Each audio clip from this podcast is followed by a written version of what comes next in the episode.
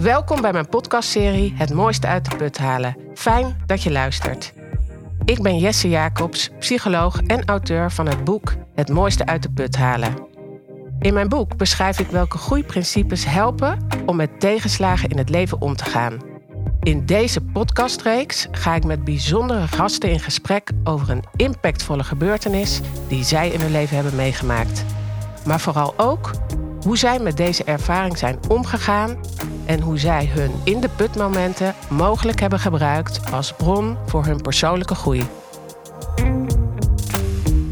Welkom, Carly van Tongeren. Fijn dat je er bent. Nou, dankjewel. We gaan vandaag in gesprek over iets dat jij in je tienerjaren hebt meegemaakt. Je bent namelijk slachtoffer geweest van uh, seksueel grensoverschrijdend gedrag. Klopt. Ja, dat thema komt ook regelmatig terug in de jeugdboeken die jij schrijft. En uh, deze ervaring heeft ook geleid tot het schrijven van, uh, van weerzin naar weerzin. Ja. Moet ik de klemtoon wel goed zeggen. Ja. Opnieuw genieten van seks na een negatieve ervaring.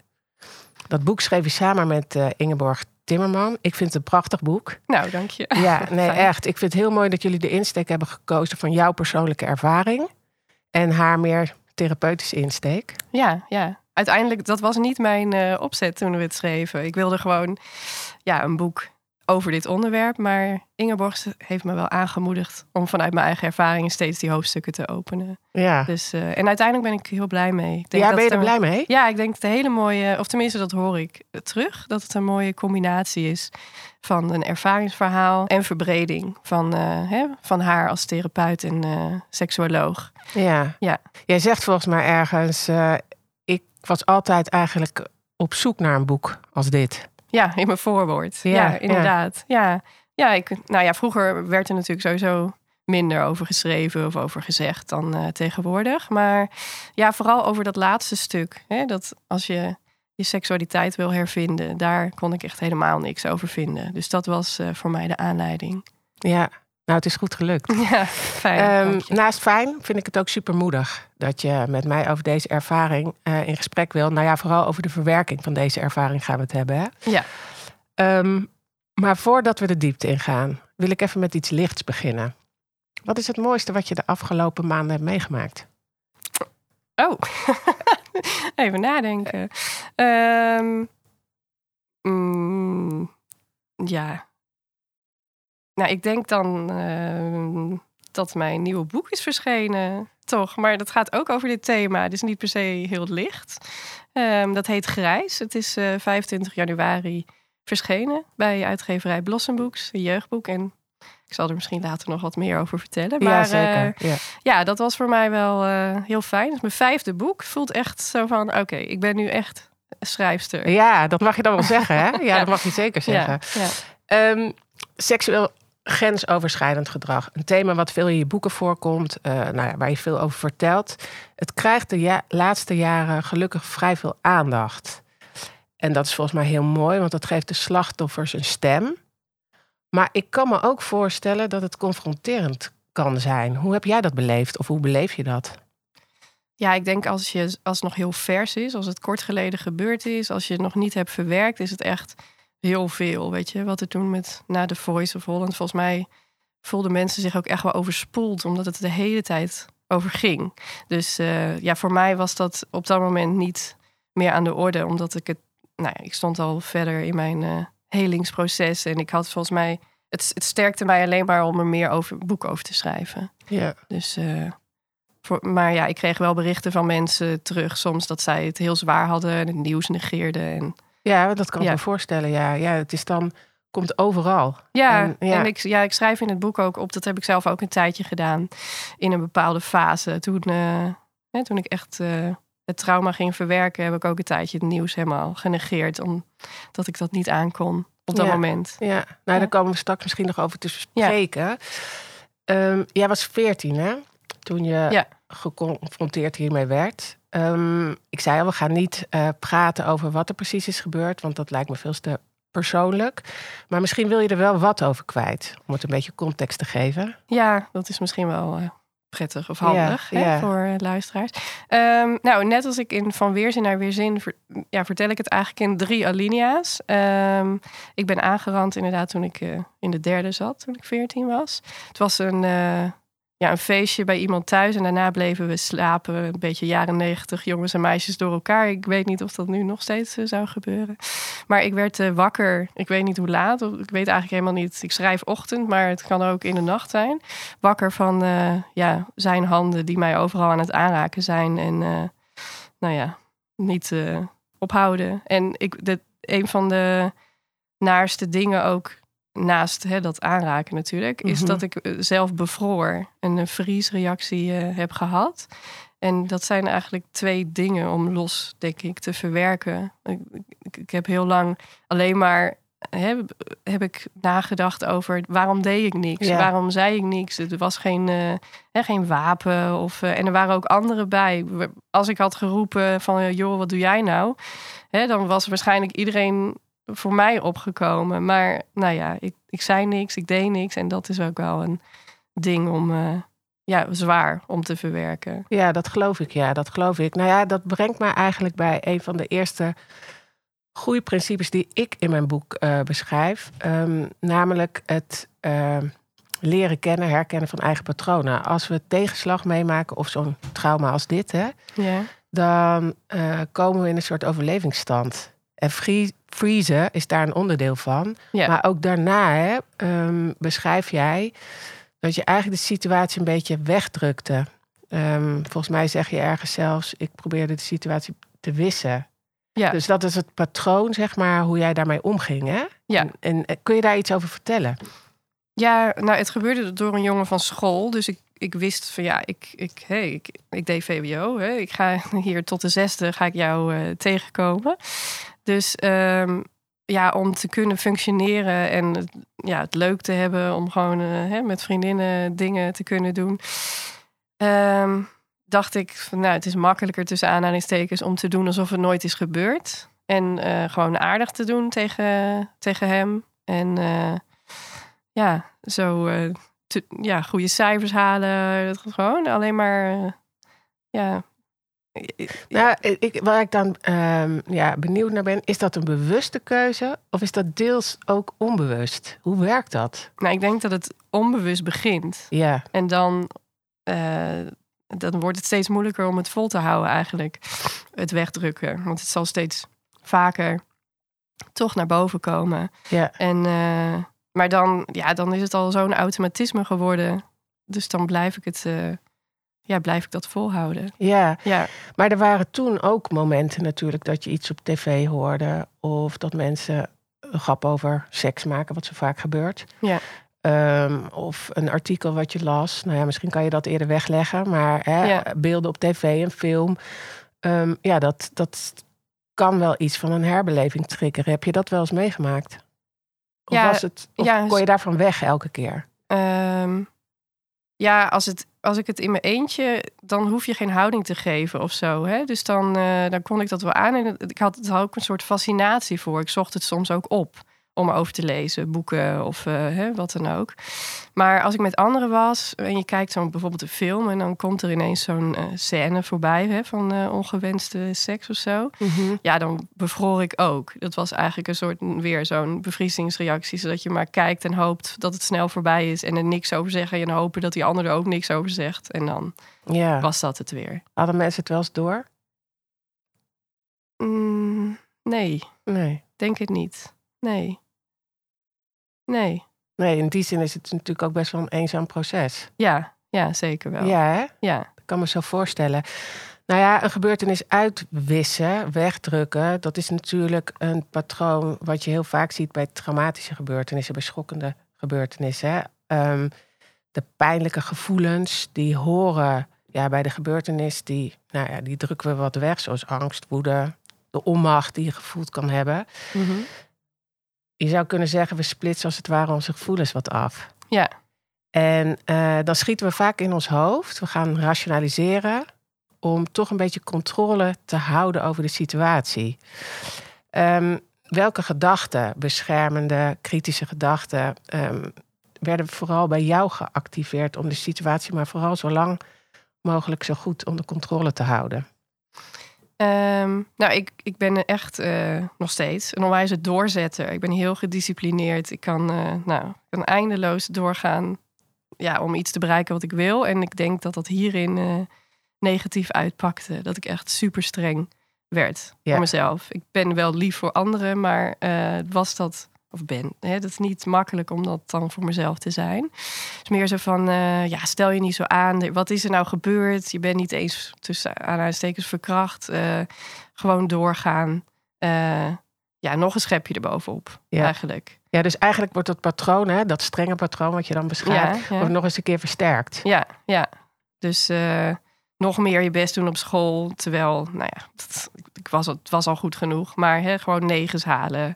En, uh, of nog, of ja, een beetje stoere dingen doen. Misschien juist ook met seks dan, uh, wat passend is bij die leeftijd, wel ook de grenzen opzoeken.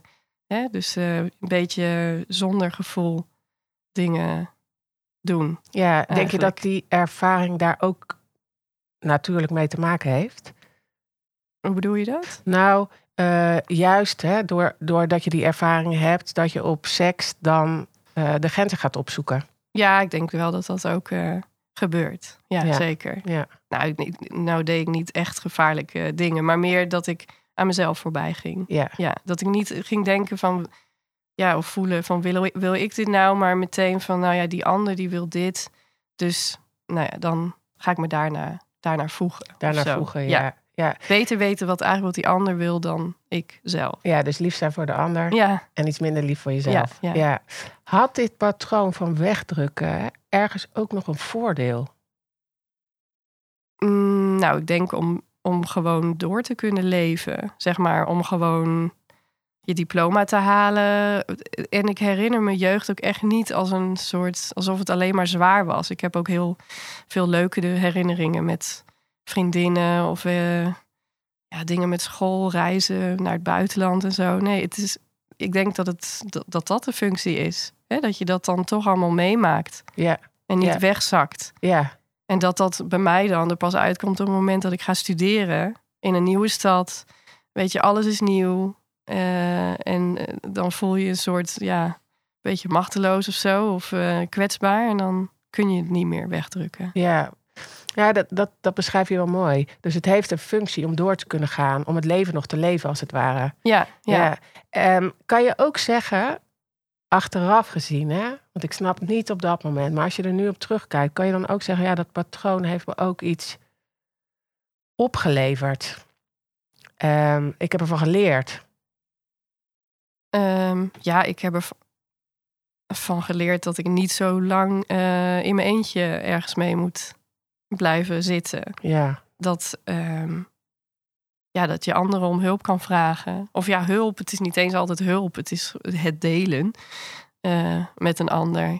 Ja. Ja, waardoor je meer jezelf kan zijn. Uitdagingen. Ja, ja, nou ja zeker. We, we, komen daar zo nog over te spreken. Maar ja, dat is een hele uitdaging. Ja, dat weet ik ook van de eigen tegenslagen die ik heb meegemaakt. Ja. Um, een tweede groeiprincipe dat ik beschrijf is um, ja, omarmen van het leven. Hè? Um, in het kort komt erop neer dat we heel vaak negatieve ervaringen, je zou kunnen zeggen de schaduwzijde van het leven, uh, willen omzeilen en niet willen doorvoelen. Daar refereerden we net ook al even aan. Ja. Omdat het simpelweg te groot of te pijnlijk is. Hè? Het is moeilijk om in de put te springen. We springen er liever overheen. Uh, we willen liever het geluk, de liefde, de hoop, het optimisme, de mooie kanten van het leven.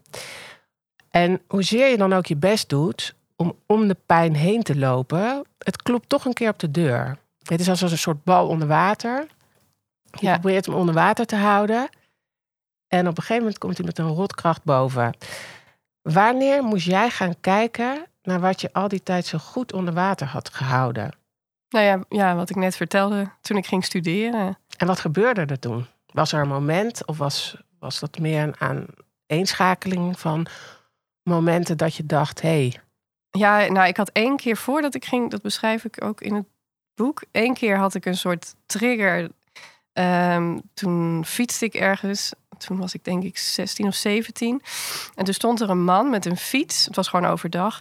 Uh, en die fiets stond op de kop. En ik, ik, stapte af of zo. Of, want ik kon er bijna niet langs. En ik, dus ik zal hebben gevraagd van... joh, heb je lekker band of zo? En hij zei echt... Dat was een wat oudere man. En zei op zo'n ranzige manier van... Nou, jij ziet er wel heel lekker uit vandaag of zo. En toen had ik zo'n angst die me overspoelde... dat ik... Nou, ik race naar huis. Terwijl hij ging helemaal niet achter me aan. Was helemaal...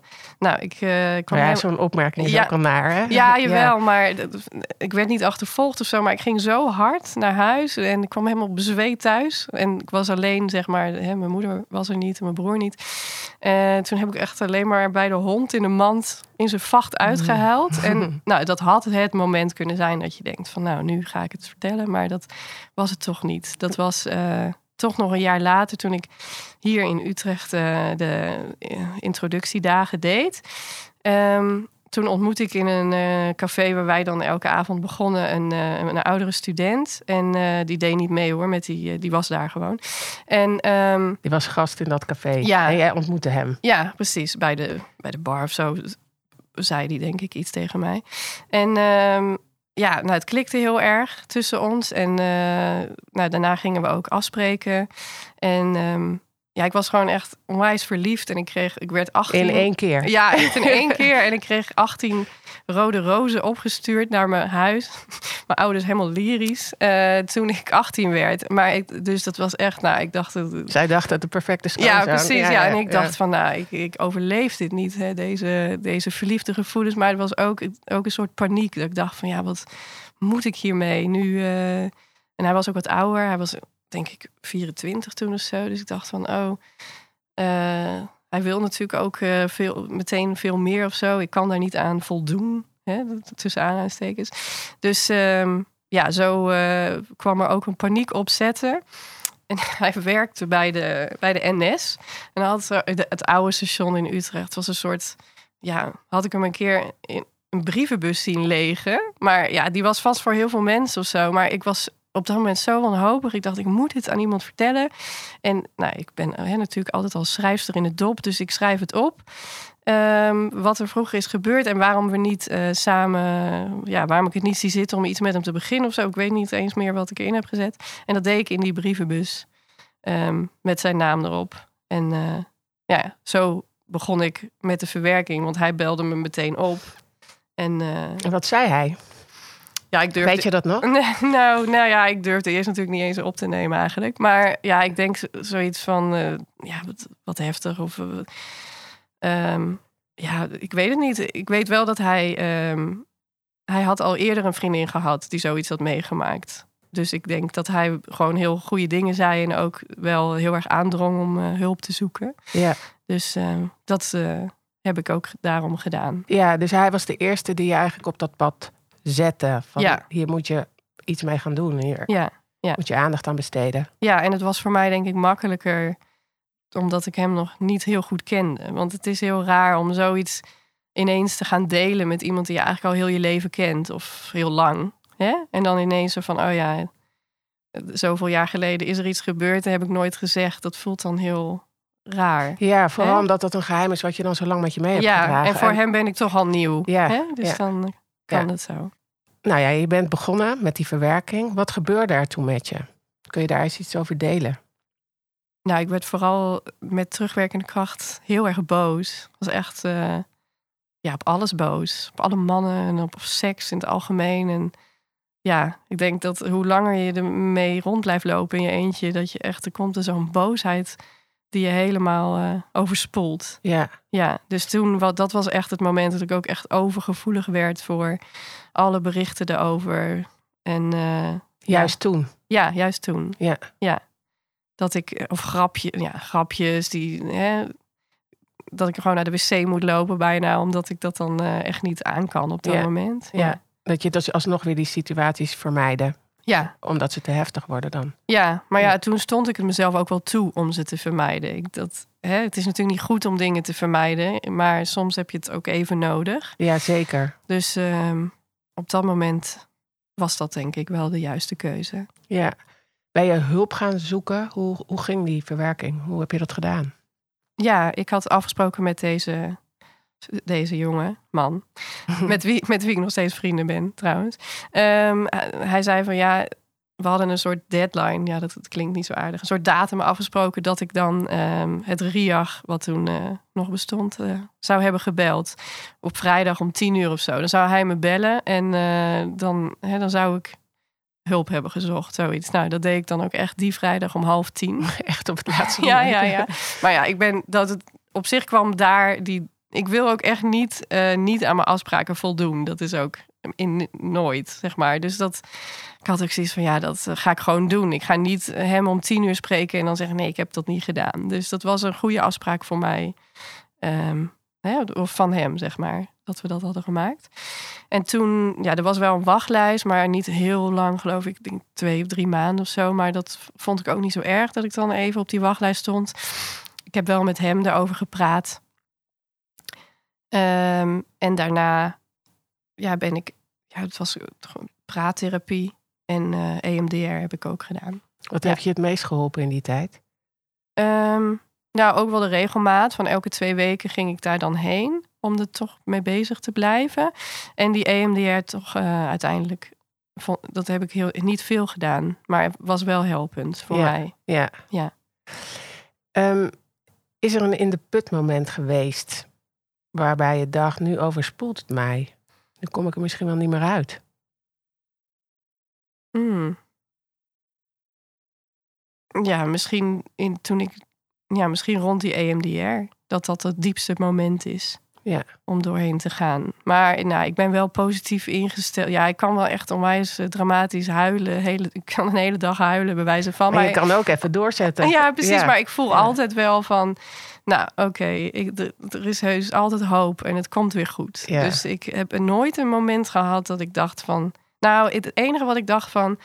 Toen ik op dat diepste moment zat van... Als het me nu nog een keer overkomt uh, dan weet ik niet hoe, ik, ah. hoe ik dit echt. Uh, ik, ik heb gewoon geen zin om dit nog een keer te doorstaan of zo. zo dat is wel. Ja, daar is het zo heftig voor. Ja, ja. Dat wil je niet nog een tweede keer nee, precies. meemaken. Dus dat, dat, dat, heb ik wel eens gedacht. Ja. ja. ja. Um, ergens in het boek staat zo mooi: ik moest ergens van afkomen, maar ook iets terugvinden. Ja. Kun je dat uitleggen? Ja, dat eerst wil je heel graag ergens van af. Van allemaal negatieve dingen. Hè, van die boosheid, het verdriet. Uh, ja, dat schuldgevoel. Wat, hè, wat je niet hoeft te hebben, maar wat je wel hebt. Maar daarna wil je ook. Uh, daarna ben je niet helemaal klaar of zo na die therapie. Het is niet dat je dan seks ineens heel leuk vindt. En dat, uh, of ja, wat is jouw eigen seksualiteit eigenlijk? Want dat weet ik niet, want mijn eerste ervaring was dit. Dus ja, ja, dus je hebt wel dan de schaduwzijde genomen, maar waar is de mooie kant? Ja, precies. Waar is de zin en waar? Ja, ja, dat. Ja, dus dat, uh, ja, dat is weer even een, een, tweede proces, om het zo te zeggen. Ja. ja, en kun je daar iets over delen? Of wat wil je daarover delen? Ja, nou, het belangrijkste wat ik heb gedaan is, uh, of dat was helemaal geen. Uh, nou, ik, ik, ik koos ervoor om een jaar lang niks met jongens te willen beginnen. Toen, nou, dat was rond die tijd, eh, rond die therapie. Dat ik dacht van ja, ik wil echt.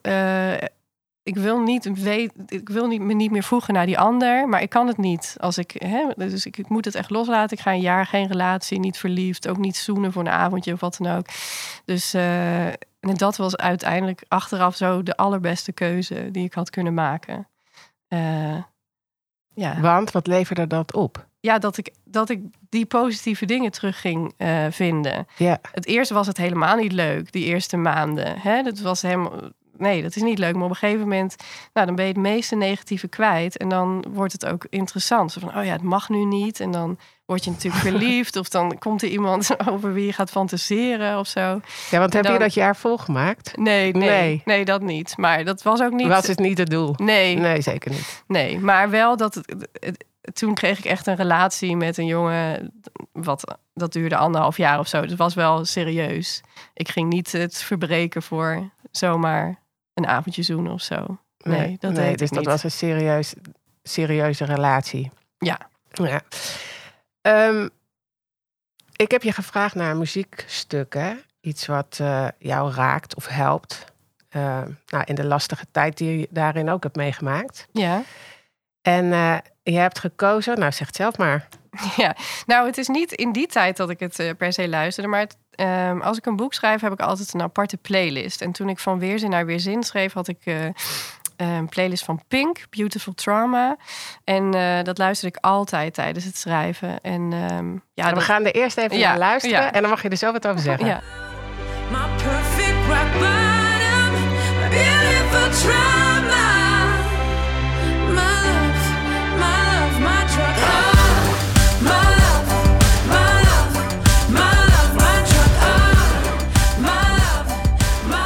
Nou, Carly, licht maar toe.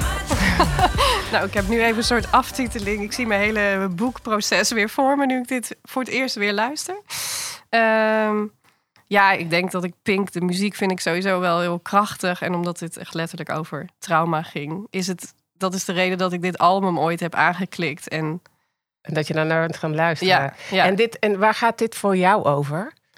ja dat wel eh, waar, deze, waar dit gesprek ook over gaat. Dat je toch eh, uit je naarste ervaringen ja, weer het mooiste kan halen. Hè? Dat je daar toch helemaal van kan helen en eh, eh, opnieuw kan beginnen. Ja.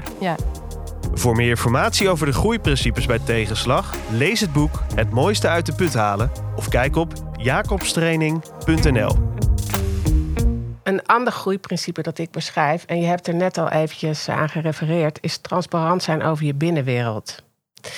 En daarmee bedoel ik dat juist over de nare ervaring praten, het er te laten zijn, hè, dat je daardoor weer een soort één wordt met jezelf. Het is niet meer een deel wat je achter hoeft te houden.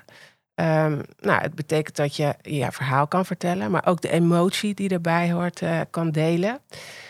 Eh, ook dat je misschien niet meer al- altijd sterk hoeft te zijn. Hè? Je kan laten zien dat het je raakt en dat het ook oké is dat het je raakt. Eh, omdat je er zelf mee in verbinding bent. Het hoeft niet meer weg. Mhm. Dat klinkt super simpel. Maar ja, mijn ervaring is, maar ik ben natuurlijk ook benieuwd naar de jouwe, dat dat in de praktijk nog niet zo makkelijk is. Het voelt super lastig om kwetsbaar te zijn op je meest intieme, tere punt. Schaamte, eh, schuldgevoel, verdriet, pijn. Eh, delen is best een grote uitdaging. Jij hebt deze ervaring een aantal jaren met je meegedragen als een geheim. Wat was jouw eerste stap in het naar buiten brengen? Ja, dat was eh, dus eh, in die brievenbus eh, op het station Ja. aan deze jongen. Dat was echt het eerste. En Ja. daarna, nou ja, in therapie dus. Maar toen had, wist verder nog niemand het in mijn eigen cirkel, zeg maar. Dat heb ik pas daarna ook gedaan. Na de therapie, Ja, nou tijdens de therapie. Dat was een van de... Hè, de, de- opdrachten. ja, een van Ja, de opdrachten. ja. Ja, ja dat hoeft. Nee, dat is altijd je eigen keus. Maar van nou, wie zou je het kunnen vertellen en hoe? En ehm, En wie was dat in jouw geval? eh, mijn moeder. Ja, mijn ouders eh, waren, of die zijn gescheiden. En eh, ik woonde bij mijn moeder vooral. Dus mijn moeder. Ehm, en de vriendinnen die ik toen had op de middelbare school. Ja, ik had tijdens de studie die vriendinnen, dat was nog gewoon heel pril. Dus het waren nog mijn middelbare schoolvriendinnen. Die heb ik ook allemaal op hetzelfde moment een brief gestuurd. Ehm, helemaal getimed met dat ze daarna bij mij kwamen eten voor mijn verjaardag of zo. En ehm, ja, dus eh, dat waren er vijf, vijf vriendinnen. Hey, en hoe was dat? Ja, ik voelde me dan ook. Ik, bij iedereen ehm, heb ik dat op papier dus eh, voor het eerst Ja, dat is jouw, jouw manier waarschijnlijk. Eh, ja, ja. maar ik vond het dan ook wel een beetje zwak. Hè? Dat ik dacht van, ik kan het niet hardop zeggen. Maar dat eh, is ja, gewoon heel eh, moeilijk.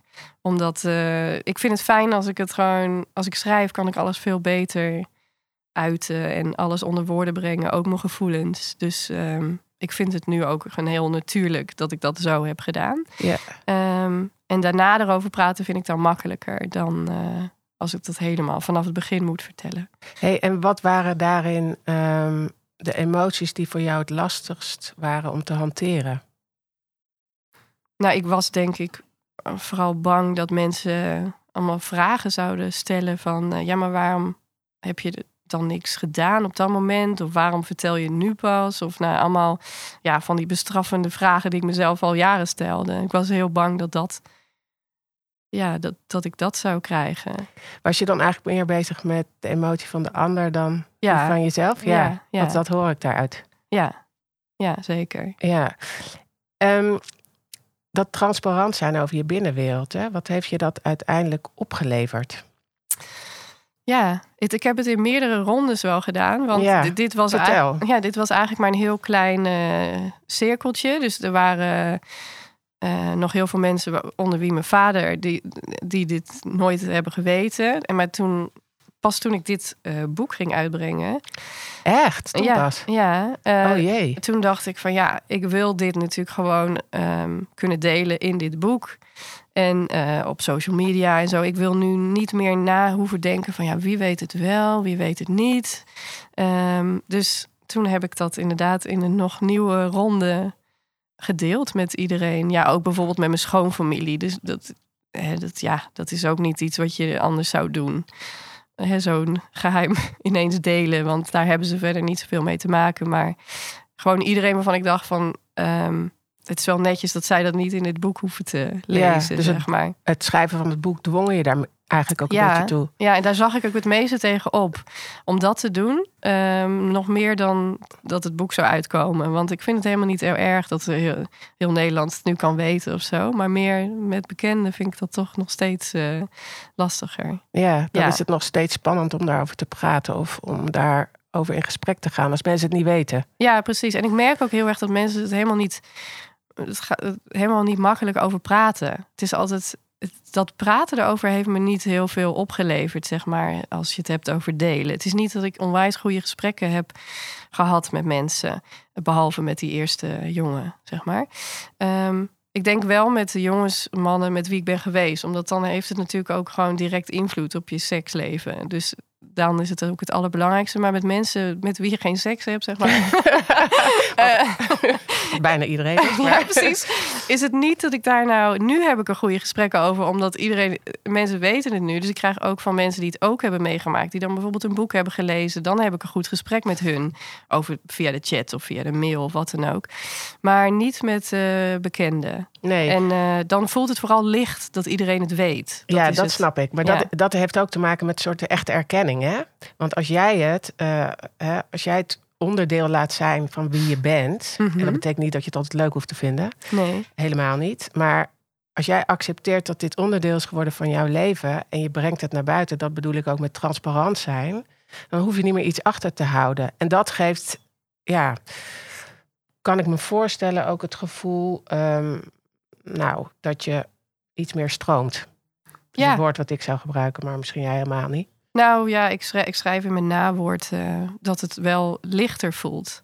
Hè, dat, er, dat, ik, ja, dat het leven wel nog wat lichter voelt. Dat ik ineens kan schaterlachen om iets wat mijn kinderen doen. Of eh, ja, dat het allemaal wat luchtiger is. Ja, Ja, dat, Ja. dat het is heel subtiel aanwezig. Maar het is er wel. ja. Ja. Ja. En zeg je eigenlijk ook, hè, nog even terugkomend op wat je net zei, eigenlijk met lotgenoten hierover praten,